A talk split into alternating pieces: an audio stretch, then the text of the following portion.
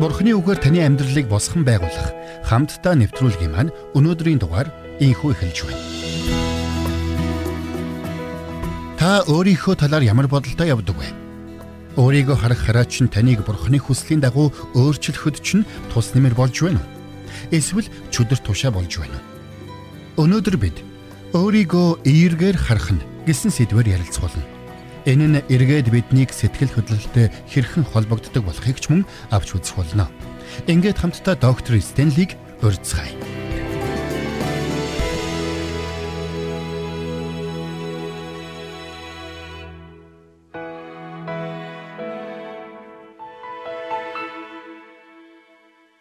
Өнөөдөр би та бүхэнтэй өөрийгөө эргээр харах нь гэсэн сэдвээр ярилцахад бэлэн болоод байна.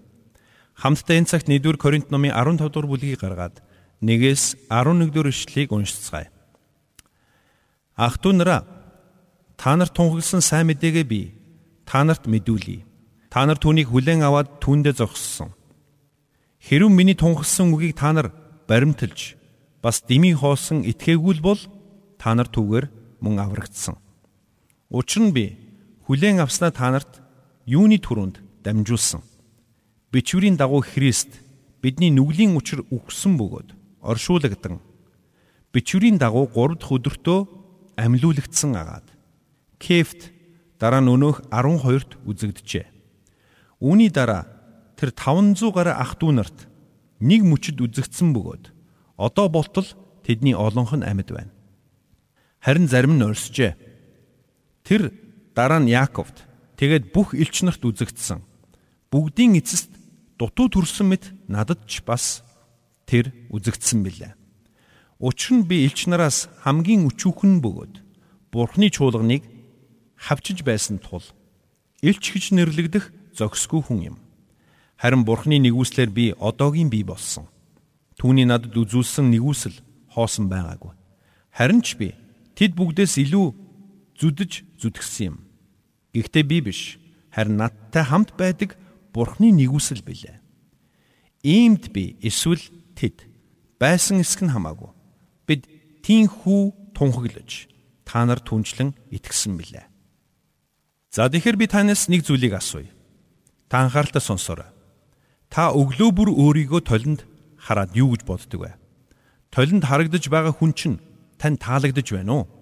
Яагаад би ингэж асууж байна вэ гэхээр хэдийгээр та өөрийгөө толинд харж байгаа боловч тухайн толинд харагдаж байгаа хүний талаарх бодол санаа таны дотор аль хэдийн тогтчихсон байгаа юм.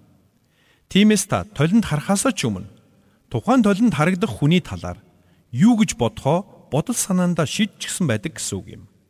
Ингээд бодохоор та толинд өөрийгөө харсан хараагүй нэг их ялгаагүй гэсэн үг. Таны дотор өөрийн чин талаарх бодол санаа нь аль хэдийн тогтчихсон байгаа. Тэгэхээр толинд харахтаа бид үсэм нь сексизм байна уу? Нүүрм нь халтархаа байна уу?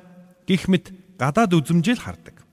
Учир нь өөрийгөө яг ямар хүн гэж үзэх вэ гэдгээ бид аль хэдийн бодол санаанда тогтчихсон байдаг юм. Тиймээс бид өөрсдийнхөө талаар эрүүл зөв бодолтой байх нь чухал юм. Гэтэл олон 10 жилийн туршид чуулганууд энэ тухайн асуудлыг сэтгэл зүйчид даатхан орхиж ирсэн нэг том алдаа бий. Бид бурхны нэгүслэр аврагдсан шүү дээ ариун сүнс бидний дотор оршин байгаа. Бид цаг нь болохоор мөнхийн усад очино. Тэр хүртэл энэ мэд сэтгэл зүйн асуудлуудыг сэтгэл зүйчдэл шийднэ биз. Бид Христтэй хамт үхсэн гэж Библи бичигдсэн юм чинь угаасаа энэ мэд асуудал тэмч чухал биш хэмээн эндүрч ирсэн. Гэвч ийм бодолтой байдаг ихэнх итгэгчид амьдралдаа сэтгэл дундуур санаа зовнилд автсан бурханд үйлчлэх эрч хүчээр дутмаг өөрөө өөртөө сэтгэл хангалуун биш өөртөө болон бусдад зөвөр эрүүл хандах тал дээр учир дутагдaltaй нэгэн болж хувирсан байдаг юм. Тэгвэл өөрсдийгөө эрүүлэр эергээр харж сурах талаар Библи бидэнд юу өгүүлсэн байдаг вэ? Үүнийг олж мэдэх нь бидний итгэлийн амьдралд амин чухал гэдгийг бид ойлгох хэрэгтэй. Нөгөө төгөр энэ бидэнд сэтгэл хөдлөлөө Бурхны хүслийн дагуу хинж удирдах байхад чухал ач холбогдолтой юм. Эндээс би нэг чухал үннийг танд хэлж өгмөр байна. Христэд итгэгч хүн өөрийнхөө талаар эрүүл зөв бодолтой болохоос нааш Бурханд хандах хандлага нь эрүүл зөв байж чадахгүй гэж. Та өөртөө эрүүл бусаар хандаж байж бурхантай эрүүл харилцаатай байж чадахгүй. Учир нь бид өөртөө болон бусдад хэрхэн хандаж байна тэр л мэдрэмжээр мөн бурханд хандаж байдаг юм. Тэгэхээр өөрийнхөө талаар эерэг зүв бодолтой байх нь дараах гурван ач холбогдолтой юм. Нэгдүгээрт энэ нь таны өөрөө өөртөөгөө харилцах харилцаанд тустай. Хоёрдугаарт таны бурхантай харилцах харилцаанд тустай. Гуравдугаарт таны бусадтай харилцах харилцаанд тустай байх нь. Тиймээс бурхнаар аврагдсан бид бурханд үйлчилж, бурхныг хүнлэн дээдлэж, бурхныг дуулууртаа даган амьдрахын тулд эхлээд өөрийнхөө талаар эрүүл зөв, эерэг бодолтой байх нь чухал юм. Учир нь бид өөрсдийгөө хэрхэн харж байна вэ? Өөрсөддөө хэрхэн хандаж байна вэ гэдэг нь бурханд үйлчлэх бидний үйлчлэл болон бусдад нөлөөлөх бидний нөлөөлөлтөй шууд холбоотой юм. Тиймээс бид өөрсдийнхөө талаар эрүүл зөв бодолтой байх нь амин чухал юм. За тэгвэл энэ мөчөөс эхлэн би энд танд энэ чухал сэдвтэй холбоотой таван чухал зүйлийг хуваалцмаар байна. Нэгдүгээрт өөрийгөө харах хараа гэж юу юм бэ? Энэ нь та оюун бодолтой өөрийгөө хин гэж харж, хин гэж зураглаж, хин гэж төсөөлж байна вэ гэдэгтэй шууд холбоотой юм. Магадгүй та дотроо би өндөр, би намхан, би тарган, би туранхай, би ухаалаг, би мунхаг, би ядуу, би баян гих мэтэр өөрийгөө тодорхойлж байж болох юм. Энэ мэтэр бид өөрсдийгөө янз бүрээр тодорхойлон оюун санаандаа зургалж байдаг. Гэхдээ энд би нэгэн чухал зарчмыг танд хэлж өгмөр байна. Бид өөрсдийгөө хин гэж харж, хин гэж итгэж байна. Түүнийхээ дагуу ярьж, үйлдэж, мэдэрч байдаг юм. Бидний мэдэрч буй бүхэн, бидний гаргаж буй үйлдэл бүр, хэлж байгаа үг бүр бид өөрсдийгөө хин гэж харж байна вэ гэдэгтэй шууд холбоотой байдаг юм. Тиймээс бид өөрсдийгөө харахтаа өөрийнхөө тухай бодохдоо ямар ч найдлага алга, ямар ч хэрэг алга гэж бодож байна уу? Эсвэл Бурхнаар аврагдсан Бурхны хүүхэд, Бурхны ариун сүнс оршин буй амьд чуулган гэж харж байна уу? гэдг нь эргээд бидний амьдралд эрс тис ялгааг авчирч байдаг юм. Хэрвээ бидний дотор ариун сүнс оршиж биднийг байнга өөрчилж, урамшуулж, ятгаж, зүлгэж, гялалзуулж байдаг гэдгийг ойлгох юм бол бид өөрсдийгөө илүү их үнцэнтэй нэгэн хэмээн харж эхэлдэг. Бурхан миний төлөө цорын ганц хүүгээ илгээсэн учраас би үнцэнтэй нэгэн хэмээн өөрийгөө харж эхэлдэг. Бурхан ариун сүнс миний дотор хоногийн 24 цагийн турш оршин байгаа учраас би өдрөөс өдөрт Христийн дүр төрхийн дагуу өөрчлөгцөөр байх болно гэсэн итгэл бидний дотор төрж эхэлдэг юм. Тиймээс найз минь чи өөрийгөө харахтаа таныг өөрийнхөө хүүхэд болгон үрчилж авахын тулд Бурхан ямар агуу золиосыг төлсөн болохыг заавал санаж яваарай. Та өөрийгөө хүнд ч хэрэггүй, ямар ч үн цэнгүй гэж бодож байсан бол тэр бодлоо яг одоо авч хай. Та Бурханы мэлмид үнцэнтэй нэгэн. Таны үнц нь Есүс Христийн үүрсэн загалмаагаар химжигдэх болно. Тэгэхээр бид өдөр бүр оюун санаандаа өөрсдийгөө зураглан харж байдаг байхна. Тэгвэл бидний өөрийгөө харах энэ хараа хэрхэн бүрлдэж тогтдог юм бэ? Энэ ойлголт анхаанаас бий болсон юм бэ. Өөрийгөө харах бидний хараа эхийн хөвлийгээс мэндэлсэн цагаас эхлэн бүрлдэн тогтож эхэлдэг. Өөрөөр хэлбэл эгчин чамайг анх тэрч, бүүвэлж, харилцаж, инхрийлж эхэлсэн тэр цагаас таны өөрийгөө харах хараа хөгжиж эхэлсэн гэсэн үг юм. Хэдийгээр та эхийнхээ хэлж буй үгсийг ойлгохгүй байсан ч та бүгдийг мэдэрч байсан гэсэн үг. Тиймээс эцэг эхчүүдээ би танарт онцгойлон захий. Таны хүүхдийн өөрийгөө харах хараа хэрхэн бүрлдэж тогтох вэ гэдг нь танаас маш их хамааралтай байдаг гэсэн үг шүү. Өнөөдөр өөрийнхөө талаар маш сөрөг бодолтой явдаг итгэгчдийн ихэнх нь энэ сөрөг зураглалыг хүүхэд ахуй насандаа олж авсан байдаг юм. Учир нь бидний өөрийгөө харах хараа бидний хүүхэд ахуй наснаас бүрлдэн тогтож эхэлдэг байна. Бид багасаа л өөрийгөө ямар хүн бэ гэдэг дүгнэлтийг дотор аль хэдийн хийж гисэн байдаг. Тиймээс эцэг их маань биднийг баг байхад хэр магтаж эсвэл хэр буруутгаж байсан бэ гэдгээс бид өөрийгөө хин гэж харах нь шууд хамааралтай байдаг гэж ойлгож болно. Эцэг их маань биднийг хэрхэн магтаж урамшуулж байсан бэ? Эсвэл хэрхэн шүүмжилж буруутгаж байсан бэ гэдг нь бидний өөрийгөө харах хараанд шууд нөлөөлсөн байдаг юм. Эцэг эхчүүд нь хүүхдүүдтэйгээ олон жил хамт амьдрахдаа тэдний талаар ямар нэгэн үгсийг байн хэлж өсгсөн байгаа. Тэр нь тухайн хүүхдийн дотор арилшгүйгээр тогтсон байдаг юм. Тиймээс бид хүүхдүүддээ ямар их хайртайгаа хэлж, тэднийг урамшуулж, босгон байгуулснараа тэднийг хожим нь Бурхны хүслийн дагуу хүн болон өөрчлөгдөх маш сайн суурийг тавьж байна гэсэн үг юм. Харин үүнээс эсрэг зүйлийг үйлснээрээ бид хүүхдүүдийнхээ потенциалыг үгүй хийж тэдний амьдралд насан туршид нь сөргөөр нөлөөлөх арилшгүй толбыг бий болгож байдаг гэдгээ санах хэрэгтэй. Өөрөө өөрийгөө эрүүлэр, эергээр харж сурах нь тухайн хүний ирээдүйтэй шууд холбоотой байдаг юм. Тэгвэл бид өөрсдийгөө эрүүлэр, эергээр харна гэдэг нь яг юу гэсэн үг юм бэ? Юуны түрүүнд тухайн хүн өөрийгөө байгаагаар нь хүлээн авч чаддаг. Тэр өөрийнхөө сул талуудыг мэддэг. Бас давуу талуудыг мэддэг. Ийм хүн бусдад нээлттэй хандаж, бодол санаагаа чөлөөтэй илэрхийлж, бусадтай амархан ойлголцож чаддаг юм. Өөрийнхөө талаар эрүүл, эерэг бодолтой хүн бусдад чөлөөтэйгээр би чамд хайртай гэж хэлж чаддаг юм. Ийм хүн бусдын шүмжлээс айлгүйгээр зүрхнийхээ угт байгаа бодлуудыг илэрхийлэн хэлж чаддаг юм. Тэгвэл өөрийгөө сөргөөр хардаг. Өөрийнхөө талаар сөрөг бодолтой байдаг хүмүүсийг аваад үзцгээе. Ийм хүмүүс юуны түрүүнд өөртөө огт итгэдэггүй. Тэд үргэлж өөрийнхөө ур чадвар, авиас бэлэгт эргэлзэж байдаг. Тэд бусад хүмүүс өөрийнх нь талаар юу гэж бодож байгаа бол гэдэгт үргэлж санаа зовж байдаг юм. Тэр бусдад нээлттэй хандж чаддаггүй. Бусдын өмнө зүрх сэтгэлээ нээхээс үргэлж айдаг. Улмаар түүнийг таньж мэдсэн хүмүүс түүнээс зайгаа барьж эхэлдэг юм. Учир нь тэр өөрөө өөртөө таалагддаггүй. Өөрөө өөрийнхөө талаар ямагт сөрөг бодолтой байдаг юм. Өөрийнхөө талаар сөрөг бодолтой байдаг хүмүүс үргэлж баг зүүж, үргэлж өөрийгөө бусдаас нууж байдаг юм. Тэд бусдаас нуугдах гэж оролддог. Бурханаас нуугдах гэж оролддог. Тэр бүхэл өөрөө өөрөөсөө нуугдах гэж оролддог. Өөрийнхөө талаар сөрөг бодолтой байдаг хүмүүс ихэвчлэн нэг төрлийн цикл дотроо гацчихсан байдаг юм. Тэд дотроо би өөрийгөө үнцэнтэй хүн гэдгийг нотлохын тулд маш шаргуу хөдөлмөрлөх болно. Үүнээс илүү үнцэнтэй гэдгээ батлахын тулд үүнээс ч илүү хөдөлмөрлөх болно гэж боддог. Улмаар тэд өөр өөрийнхөө өмнө тавьсан шалгуурт хүрх гэж эц төгсгөлгүй зүтгэсээр эцэст нь төвлөдөж ундаг юм.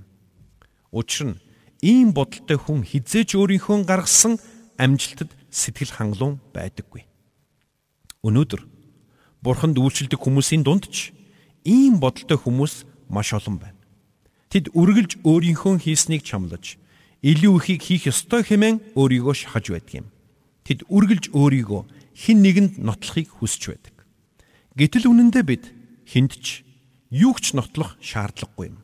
Учир нь бид Христэд итгэснээр Бурхны ард түмэн болсон юм. Тиймээс Бурхан таныг байгаар чинь хүлээн авсан шиг таач бас өөрийгөө байгаар нь хүлээн авах хэрэгтэй. Танд сул талууд ч бий, давуу талууд ч бий. Тиймээс та заримдаа амжилт гаргана, заримдаа бүтлгүүтнэ. Өөрийнх нь талаар эерэг бодолтой байдаг хүн үүнийг хүлээн зөвшөөрж чаддаг хүн юм. Харин өөрийнх нь талаар сөрөг бодолтой байдаг хүн бүтлгүүтлийг дэвчиж чаддаггүй. Тэд үүнийг сүрэл химэн хүлээж авдаг. Гэтэл эргээрээ өөрийнх нь талаар эерэг бодолтой байдаг хүн алдаа гаргах үедээ би энэ удаад алдаа гаргачихлаа. Гэхдээ зүгээрээ дараагийн удаа энэхүү алдаагаа давтахгүй дахиад нэг оролдоод үзнэ гэж итгэлтэйгээр хэлж чаддаг хүн юм. Бурхан биднийг бүх зүйлийг дандаа төгс хийдэг хүн байгаасаа гэж хүсдэггүй. Харин Бурханы хүчээр өдрөөс өдөрт өсөж хөгжсөөр байгаасаа л гэж хүсдэг юм. Гэхдээ энэ хүү өсөлт нь хин нэгэнд ямар нэгэн зүйлийг нотлохын тулд биш гэдгийг бид ойлгох хэрэгтэй. Гэтэл юу юуны туханд хүрлэгүй. За за одоо ингэж нэгэнд өнгөрсөн. Бүх юм дуусаа. Химэн бууж өгдөг хүн өөрийнхөө талаар эрүүл эерэг бодолтой байж чаддгүй гэсэн үг. За тэгвэл харин одоо бидний өөрийгөө харах эрүүл эерэг харааг үгүй хийн сүрүүлж байдаг зарим хүчин зүйлийг бид заавал үзэх ёстой. Баг байхасаа өөрийнхөө талаар эрүүл эерэг бодолтой өссөн Бурхны үг сургаал дотор өсөж хүмүүцсэн хэрнэ замынхаа дундаас өөрийгөө үнэлэх үнэлэмжээ алдчихсан. Өөрийнхөө талаар сөрөг бодолтой болчихсон хүмүүс зөнгүү бий. Тэгвэл юу биднийг ийм байдалд хүргэдэг юм бэ? Бидний өөрийгөө харах харааг сэвтүүлж сөрөг болгодог хэд хэдэн хүтэн зүйлийг би танд энд хэлж өгөхийг хүсэж байна. Тэгвэл бидний өөрийгөө харах эерэг харааг юу үгүй хийж байдаг юм бэ? Хамгийн түрүүний хүчин зүйл бол гим нүгэл. Учир нь гим нүгэл биднийг буруутгалын занг руу түлхдэг юм. Бид бурхны эсрэг нүгэл үлдэж бурхны өмнө дуулуургүй амьдралаар амьдарч эхлэх үед бидний бодол санаа аажмаар хуваагдж эхэлдэг. Тэгээд дотор бурхан над шиг хүнд бурхан туслана гэж юу? Ийм амьдралтай хүнийг бурхан ивэн гэж юу? Химэн эргэлзэж эхэлдэг. Улмаар бидний өөрийгөө харах хараас сэвтэж эхэлдэг юм.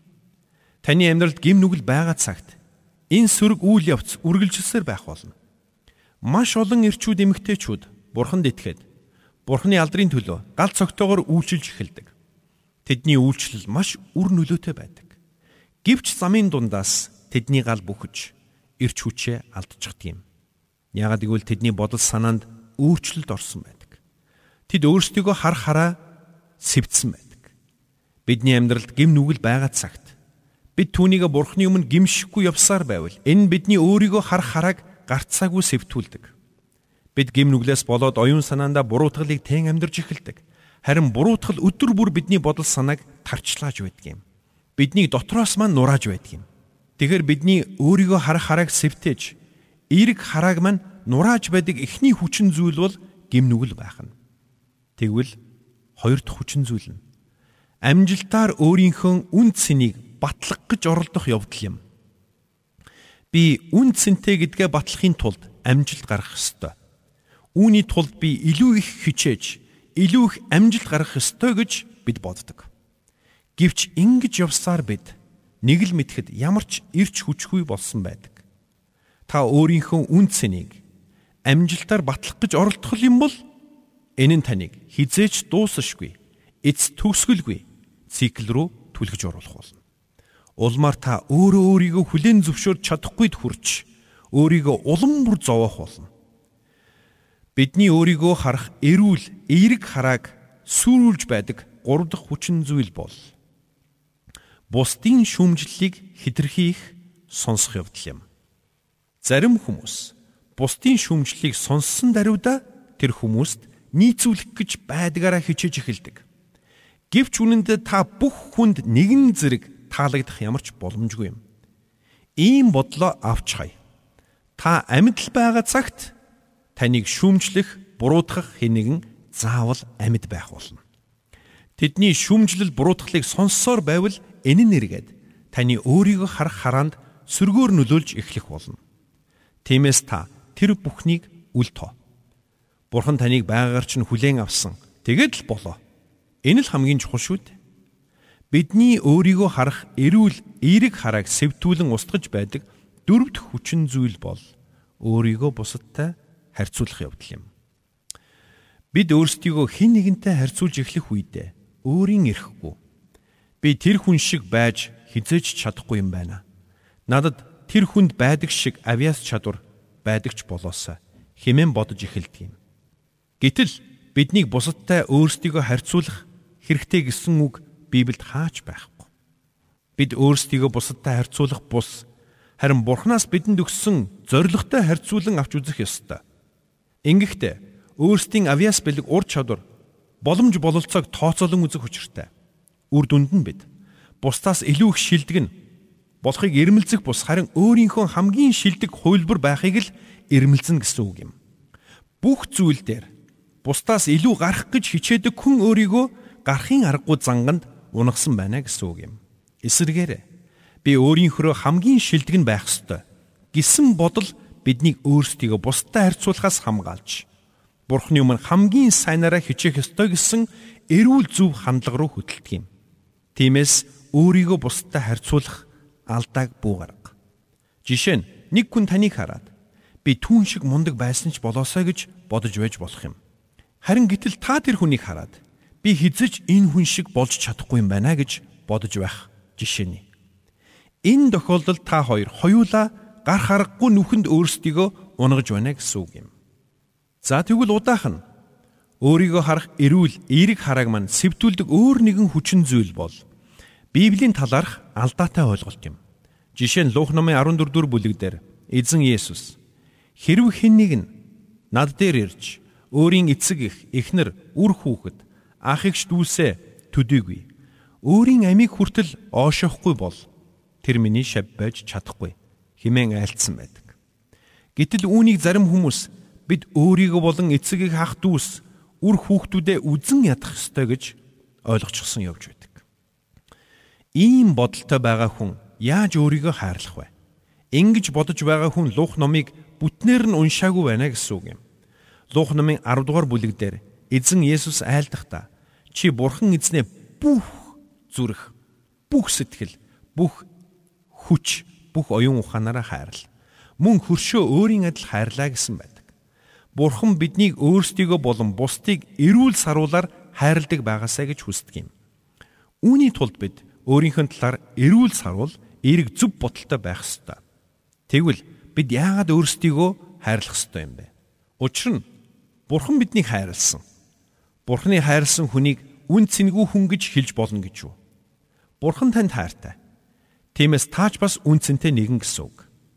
За тэгвэл таныг хэн хамгийн түрүүнд хайрлах ёстой юм бэ? Та өөрөө өөрийгөө эхлээд хайрлах учиртай. Бурхан танд хайртай гэдэг нь та үн цэнтэй гэсэн үг юм. Тиймээс ч та өөрөө өөрийгөө хайрлах учиртай. Тиймээс өөрийнхөө талаар эерэг, эрүүл бодолтой байдаг хүн дотроо Бурхан надад хайртай. Би хэдийгээр үн цэнгүй мэд харагдаж байж болох ч Бурхан намайг хайрлсан гэдэг нь би онцгой үн цэнтэй гэсэн үг химэн бодно гэсэн үг юм. Энэ бол бардамнал эсвэл ихэрхэл биш ээ. Харин Библийг зөвөөр ойлгож, Библийн дагуу өөрийгөө харж байна гэсэн үг юм. За тэгвэл эцэст нь би танд өөрийнхөө талаарх эрүүл, эерэг харааг хэрхэн бий болгохыг хэлж өгмөр байна. Юуны түрүүнд та зүрх сэтгэлээ Христэд өг. Та Христэд итгэж түүнийг амьдралдаа өрсөн бол энэ нь өөрийнхөө талаар эерэг зөв бодолтой болохын тулд таны хийсэн хамгийн ихний амин чухал үндсэн алхам юм. Энэ нь Христ таныг байгаагаар нь хүлээн авсан гэдгийг та хүлээн зөвшөөрч байна гэсэн үг. Энэ бол өөрийнхөө талаарх эрүүл эерэг хараатай бол хамгийн ихний чухал алхам юм. Хоёрдугаарт та Бурхны үгээр өөрийгөө дүүрэг. Бурхны үгийг эргцүүлэн бод. Ингэснээр Бурхан таныг хэрхэн хардаг вэ гэдгийг та таньж мэдэн тэр л хараагаар өөрийгөө харж эхэл. Бурхан биднийг Бурханы ард түмэн Христийн өв залгамжлагчд хэмээн дуудсан. Тэр биднийг хайрлсан, бидэнд гайхамшигтай төлөвлөгөөг өгсөн Тиймээс ч бид өөрсдийнхөө талаар бодохдоо Бурхан намайг хайрлсан. Тэр миний амьдрал гайхамшигтай төлөвлөгөөгөө бэлдсэн хэмээн боддог байх учиртай юм. Бид Библийг уншиж эргцүүлэн бодох тусам энэ бодол маань улам бүр лавширдаг. За гуравт халхан бол уучлалыг хүлээн ав. Бурхан таныг бүрэн уучлсан гэдгийг та ойлгож хүлээн зөвшөөрч тэгснэр та өөрийгөө уучлж бас бусдыг уучлж чадна. Бидний амьдралд үл уучлал байгаа цагт бид өөрсдийнхөө талаар эрүүл эерэг хараатай байж чадахгүй. Дөрөвдүгээрт бурхантай наймаалцах гэж оролдохоо бойл. Бид өөрсдөө ч мэдлгүйгээр би бурханы төлөө хичээн зүтгэх болно. Тэгвэл бурхан намайг илүү хайрлах болно. Тэр намайг хүлээн зөвшөөрөх болно гэж боддог. Улмаар бурхнаар хүлээн зөвшөөрөгдөхийн тулд сайн үйлс үлдэх ёстой гэсэн бодолд автдаг. Тэгвэл би танд хэлье та бурхнаар хайрлагдахын тулд юу ч хийх шаардлагагүй. Бурханд таны сайн үйлс огт хэрэггүй. Тэр таныг аль хэдийн хайрлсан. Бурхан мэдээж бидний үйлчлэлийг шагнадаг. А инглигээд биднийг хайрлах түүний хайр их болж байгаа юм биш. Түүний хайр хизээч өөрчлөгддөггүй. Сайн үйлсч тэр бурханд дуулууртай байх нь ч тэр аль аль нь таныг хайрлах бурханы хайрыг ихсгэж юм уу эсвэл багасгаж чадахгүй. Тиймээс бид зүгээр л амар тайван байж биднийг хайрлсан Бурхны хайранд талархаж амьдрах учиртай юм.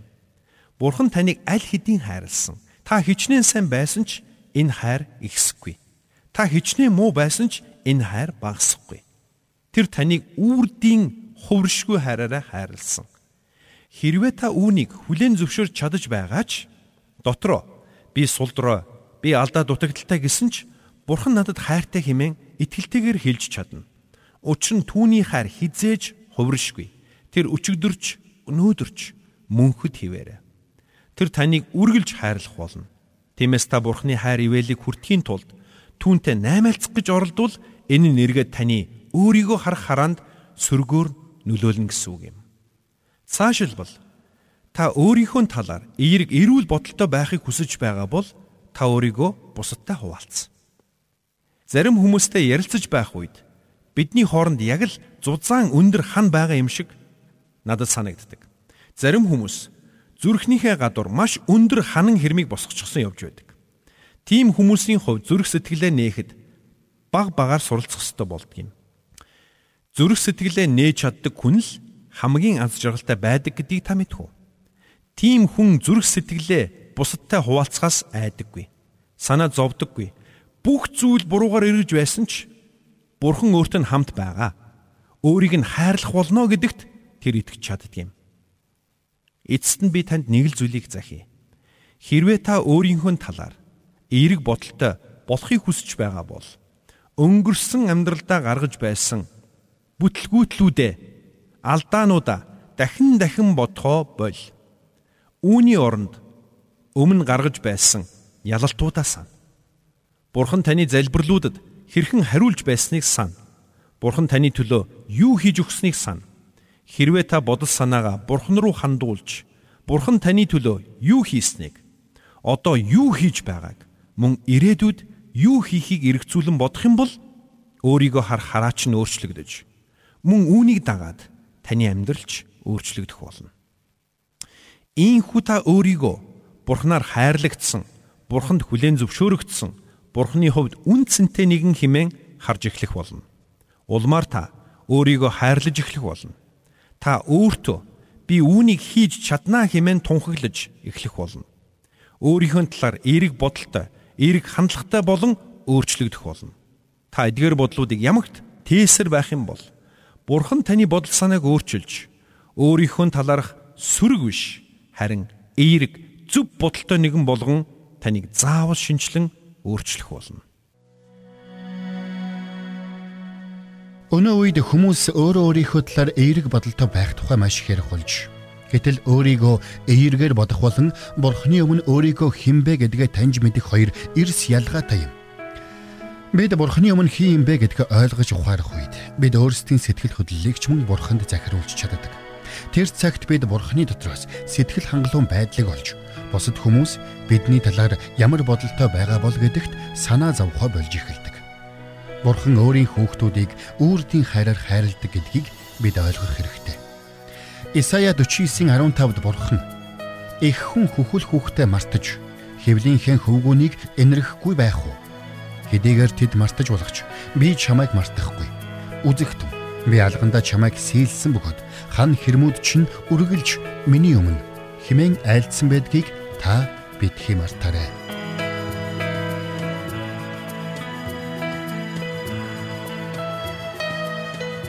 Бурханд тэмүүлсэн сэтгэл хүмүүсийг энэрх зөрхөөр амьдрахад туслах номлогч доктор Чарлз Стенлигийн хамттай нэвтрүүлэг сонсогч танд хүрэлээ нэвтрүүлгийг дахин сонсохыг хүсвэл ихтгэл радиоцик.com-оор зочлоорой. Бидэнтэй холбогдохыг хүсвэл 8085 99 тэгтэг дугаард хандаарай.